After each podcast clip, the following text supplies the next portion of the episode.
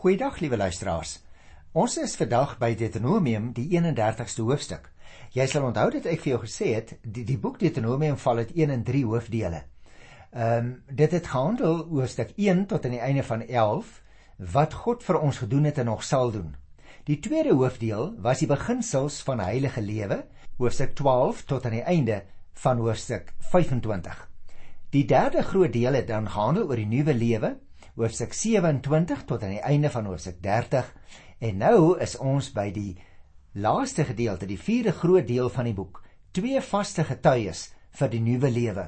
En dit strek dan hier van Deuteronomium 31 af tot aan die einde van hoofstuk 34 wat natuurlik dan die laaste hoofstuk in die boek is. Miskien terwyl ek nou syfers noem, is jy dalk geïnteresseerd om te weet ons is nou in ons reeks die Bybel vir vandag vandag met hierdie program by die 300ste program wat ons opneem. Die Here het vir ons mooi geseën en ek het vertrou het vir julle ook geseën om daarna te luister. Kom ons bid voortdurend vir ons program en ons bid dat die Here deur die werking van sy Heilige Gees die woord wat opgeteken is op ons lewens en die harte van die luisteraars en ook van my hier agter die mikrofoon sal tuisbring. Kom ons begin dan dadelik met hierdie 31ste hoofstuk en jy het gehoor daar's 'n vreemde opskrif nê, twee vaste getuies, 'n lied en die wetboek. Kom ek begin deur enkele opmerkings te maak. Jy sal onthou dat Joshua se aanwysing as die nuwe leier en sy oorneem van Moses se leierskap omraam is deur die laaste optrede van die ou knegg Moses. Moses gee nou eers sekere opdragte aan die leiers van die volk en hy seën hulle soos Jakob destyds gedoen het. Sy heel belangrikste taak staan egter in die middelpunt om vir Oulaas te sorg dat Israel nie gaan afwyk van die verbond van die Here nie. Hy doen sy uiterste bes en daarom doen hy dit deur twee vaste getuies vir hulle te noem, naamlik 'n lied en 'n wetboek. Kom ons begin dadelik by die gedeelte want ek wil dit net nou ook so 'n bietjie toepas op ons eie lewens. Vers 1 en 2 van Deuteronomium 31 sê: Moses het met die hele Israel gaan praat en vir hulle gesê: Ek is nou 120 jaar oud en ek kan nie meer gaan oorlog maak nie. Die Here het vir my gesê: Jy mag nie deur die Jordaan trek nie. Nou jy sal nog hierdie geskiedenis onthou, liewe luisteraar. Voordat Moses vir Joshua aanstel, praat hy nou eers met die hele Israel. Nou die feit dat hy nie met hulle saam deur die Jordaan gaan trek nie, is natuurlik te wyte aan twee redes. Hy is reeds 120 jaar oud en hy kan dus nie meer gaan oorlog maak nie.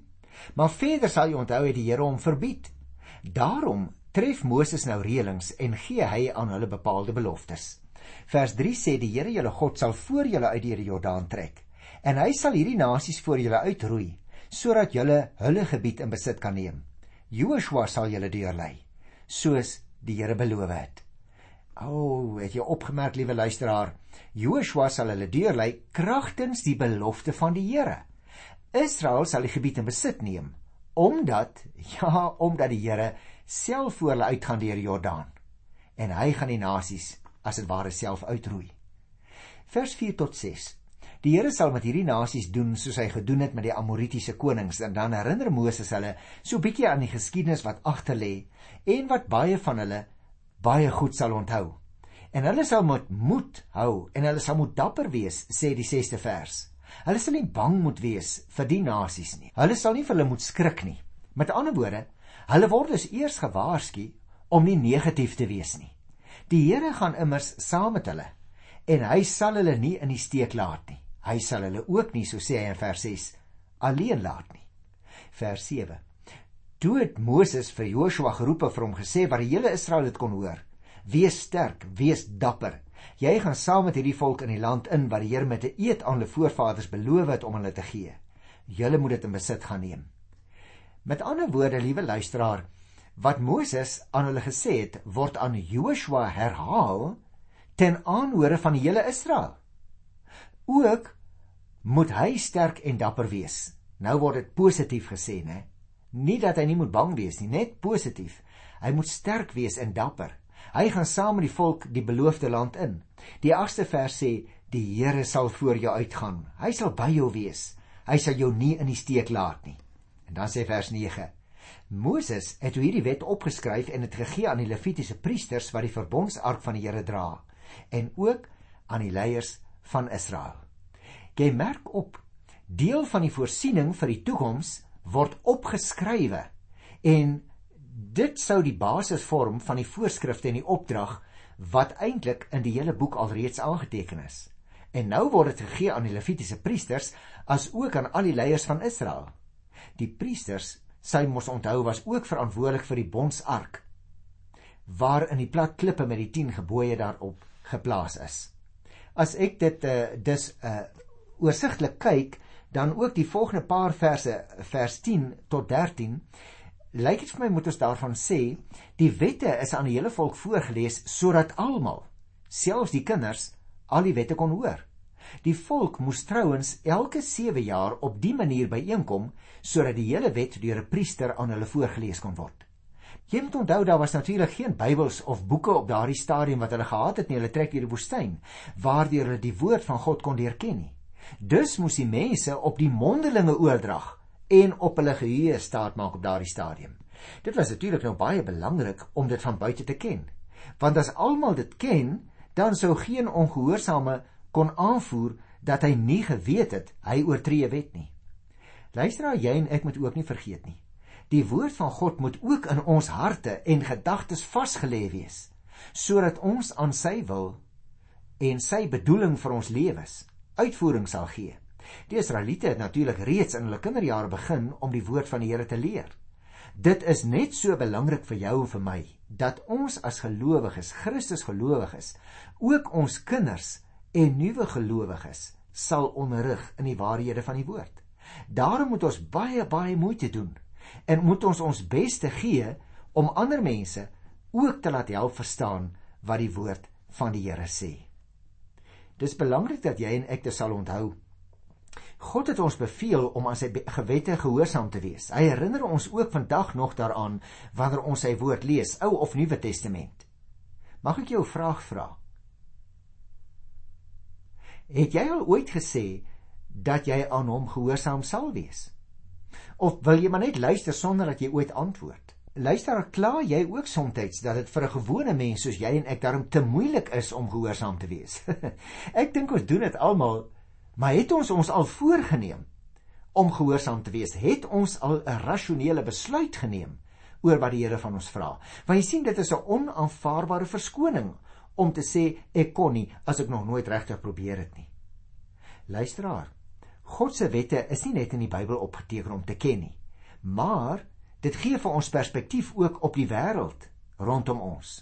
Daarom moet ons sy woord in ons harte bære, sodat ons wanneer ons sekere dinge sien gebeur, dadelik sal kan identifiseer as nie volgens die wil van die Here nie. Daarom is dit ook so belangrik dat ons sy woord sal ken, sy woord in ons harte sal bære. Luister bietjie hierso na vers 19 en vers 20 teken hierdie lied vir julle op. Leer dit vir die Israeliete. Laat hulle dit sing sodat die lied my getuie teen hulle kan wees. En wanneer ek vir Israel gebring het in die land wat ek aan sy voorvaders met 'n eed beloof het, die land wat oorloop van melk en van honing, dan sal Israel genoeg eet. Dan sal hulle lekker lewe en dan sal hy ander gode aanhang en hulle dien. Hulle sal my minag en my verbond verbreek. Jy let dus op, liewe luisteraar, dat die Here vir Moses sê: "Leer vir hulle lied." Nou mag jy en ek vra nou, hoekom wil hy vir hulle lied leer? Want jy sien as 'n mens die woorde van 'n lied onthou en jy onthou die wyse jy sing dit maklik, dan onthou jy baie maklik die inhoud van daardie lied. En daarom sê die Here vir Moses: "Jy moet vir hierdie mense 'n lied leer want elke keer as jy die lied sing en hulle die lied sing, dan sal hulle onthou wat ek vir hulle gesê het." En daarom Luister nou hier van vers 24 af. Toe het Moses ook hierdie wet tot die laaste woord toe in 'n boek opgeteken. En hy het die leviete wat die verbondsark van die Here dra beveel, vat hierdie wetboek, sit dit langs die verbondsark van die Here julle God. En dit moet daar bly om teen julle te getuig. Met ander woorde, dit wat Moses nou op skrif stel, die lied ook wat hy vir hulle leer, is twee dinge wat uiteindelik teen hulle sal getuig as hulle sou sê, maar ons het nie geweet nie, soos jy en ek ook so maklik doen. Jy sien op dieselfde manier as Moses het die Here nou ook aan Joshua hier in die 23ste vers dieselfde bevele gegee. Hy moes sterk en dapper wees om die volk in die beloofde land in te bring. En nou is dit natuurlik moontlik omdat die Here by hom sal wees. Joshua is dus aangestel om die leierskap van Israel oor te neem en die volk in die beloofde land in te lei. Jy sal byvoorbeeld nog onthou, liewe luisteraar, ons lees daar destyds ons het dit gedoen in Eksodus 17 vers 9 vir die eerste keer van Joshua wat jare lank Moses se assistent was en mense het dit ook gekry in Joshua 1 vers 1. Sy sterk geloof was juis een van die belangrikste, sal ek dit noem, kwalifikasies vir die posisie. Hy was ook vroeër een van die 12 spioene, sal jy nog onthou, wat Kanaan toe gestuur is om die land te gaan verken.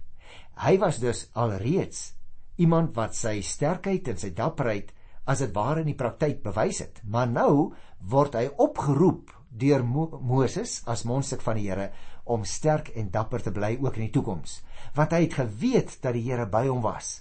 En daarom kan hy ook moed hê om die beloofde land in voor te stap. Ek wil graag hierdie gedeelte opsom deur vers 27 tot 29 te lees. Ek weet hoe opstandig en hardkoppig hulle is. Terwyl ek nog hier by julle in die lewe is, is julle al opstandig teen die Here. Hoeveel te meer nog as ek eers dood is?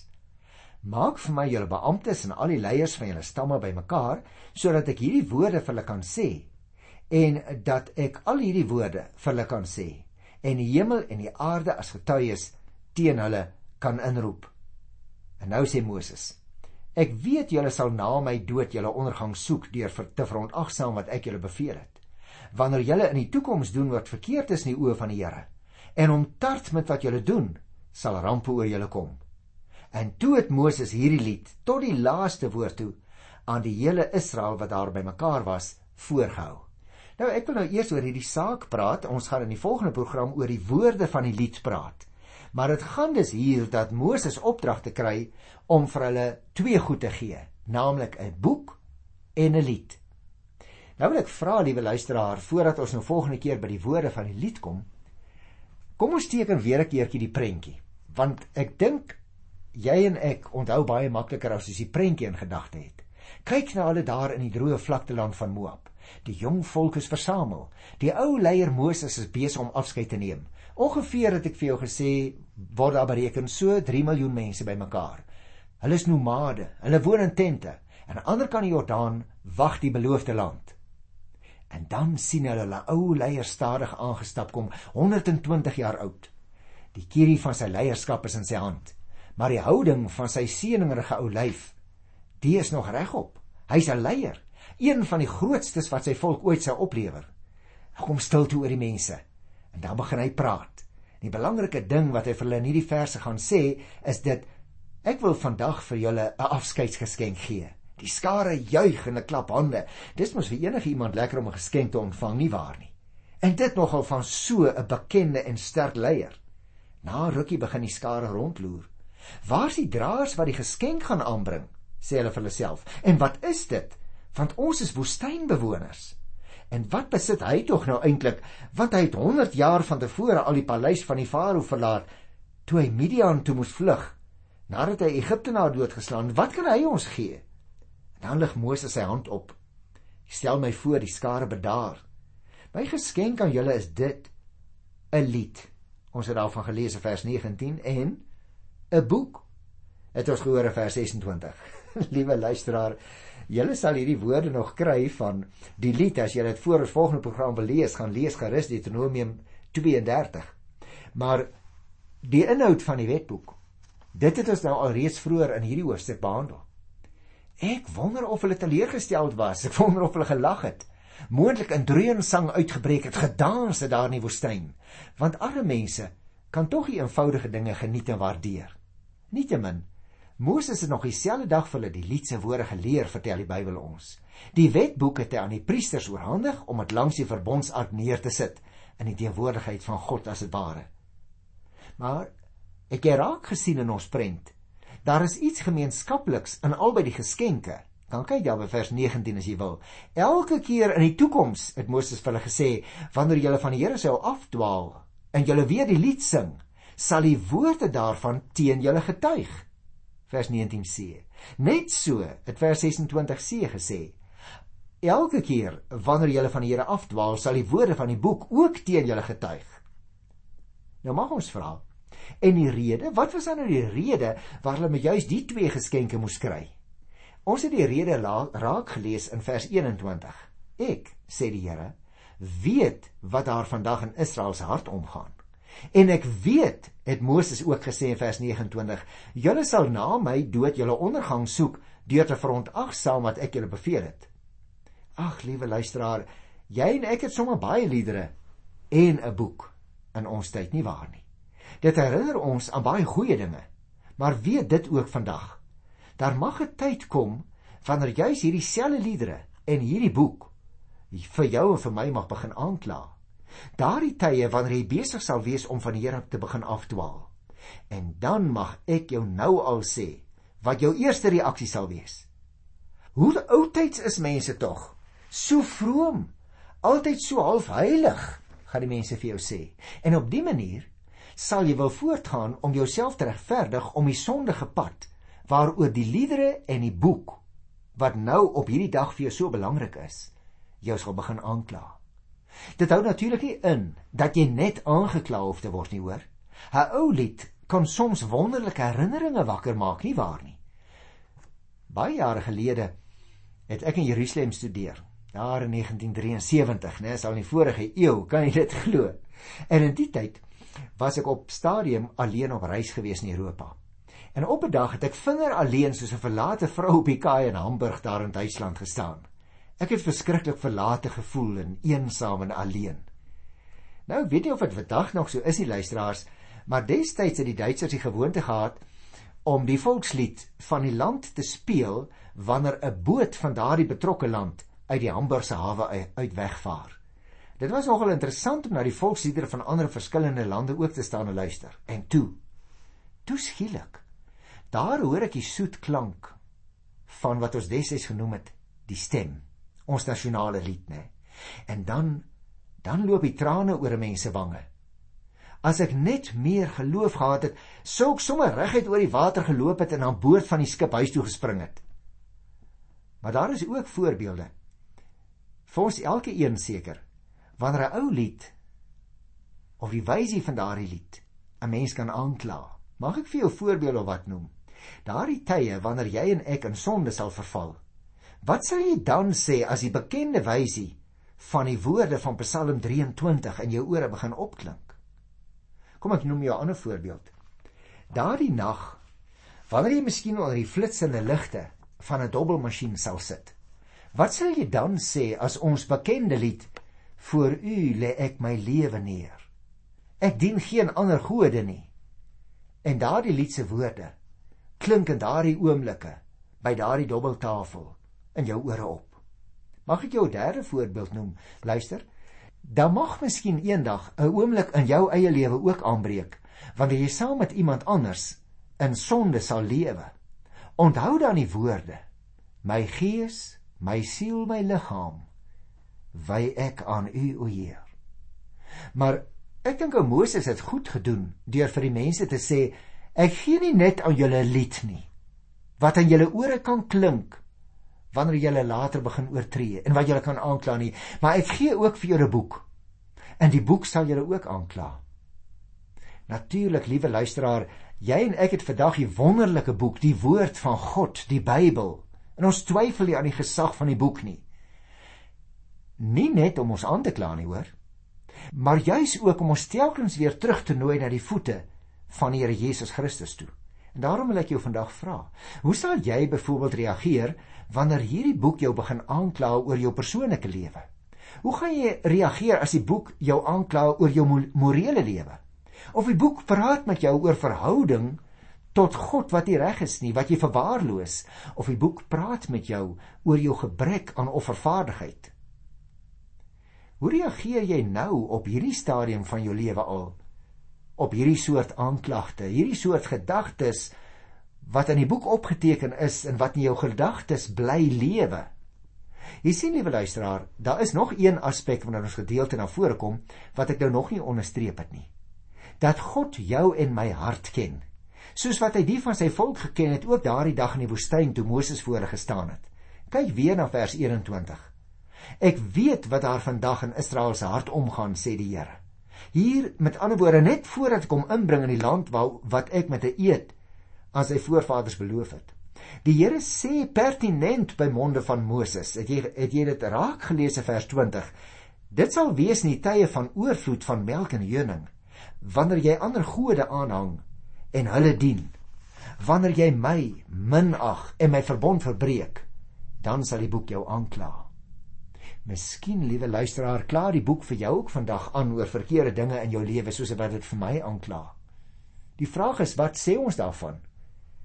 Gaan jy jou lewe regstel? Want dit is wat die liedere wil doen, wat die boek wil doen wanneer dit by ons hart aankom. Jy sien, hoewel dit op hierdie stadium met die toehoorders van ons gedeelte goed gegaan het en hulle op die vooraand van groot dinge was, weet die Here alreeds dat die sonde en die ongehoorsaamheid latent in hulle sondige harte lê. En daarom praat hy met hulle oor die toekoms. Waarsku hy hulle?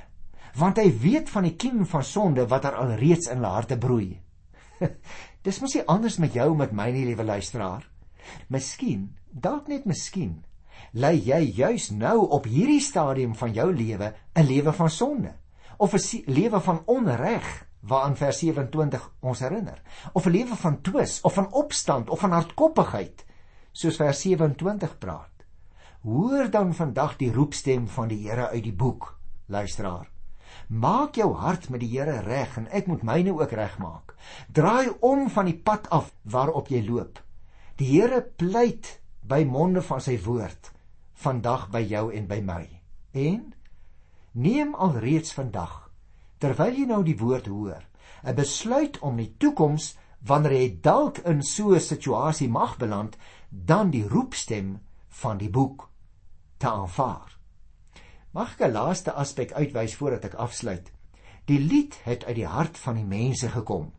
Die boek het uit die hart van God gekom. En daarmee wil ek graag die lyn deurtrek nou na die Nuwe Testament toe. Onthou jy, Op 'n dag het God iemand gestuur wat die hart van God by die mense gebring het, Jesus Christus. Dis hy wat dit moontlik gemaak het dat jou en my sondaarshart nou en in die toekoms by God se hart kan uitkom sonder die bemiddeling van die Here Jesus Christus is in jou en my aan die een kant en ons Vader aan die ander kant is die lewe waarna die Here Jesus verwys het nie moontlik nie. Sonder Jesus Christus is die lewe wat vir God welgevallig is nie haalbaar nie luisteraar kyk weer na die skare mense voor die ou man Moses. As jy hulle mooi met die oë deurloop, sal jy jouself tussen die skare sien sit vandag. Die Here praat vandag deur sy woord ook met jou en met my. Hy herinner ons aan twee dinge, naamlik die lied en die boek. Kom ons doen daai twee dinge. Nommer 1: Luister vandag na die lied en die boek en kry jou lewe reg. Die tweede ding: Neem jouself vandag vir die eerste keer of dalk by hernuwing voor om in die toekoms na die roepstemme van die lied en die boek te luister. Juis in daardie tye te luister wanneer jy nie graag sal wil nie. En nie dan jou eie reëls te maak en jou eie argumente aan te voer waarom jy nie hoef te luister nie. Mag ek jou ten slotte vra? Is dit nie dalk vandag die situasie waarin jy jouself bevind nie? Moenie jouself probeer regverdig nie, liewe luisteraar. Kry jou lewe reg. En hoe doen 'n mens dit? Mag jy my vra? Daar is net een manier. Aan die voete van die man van Nasaret. In sy wonderlike naam groet ek jou dan tot volgende keer. Tot dan. Totsiens.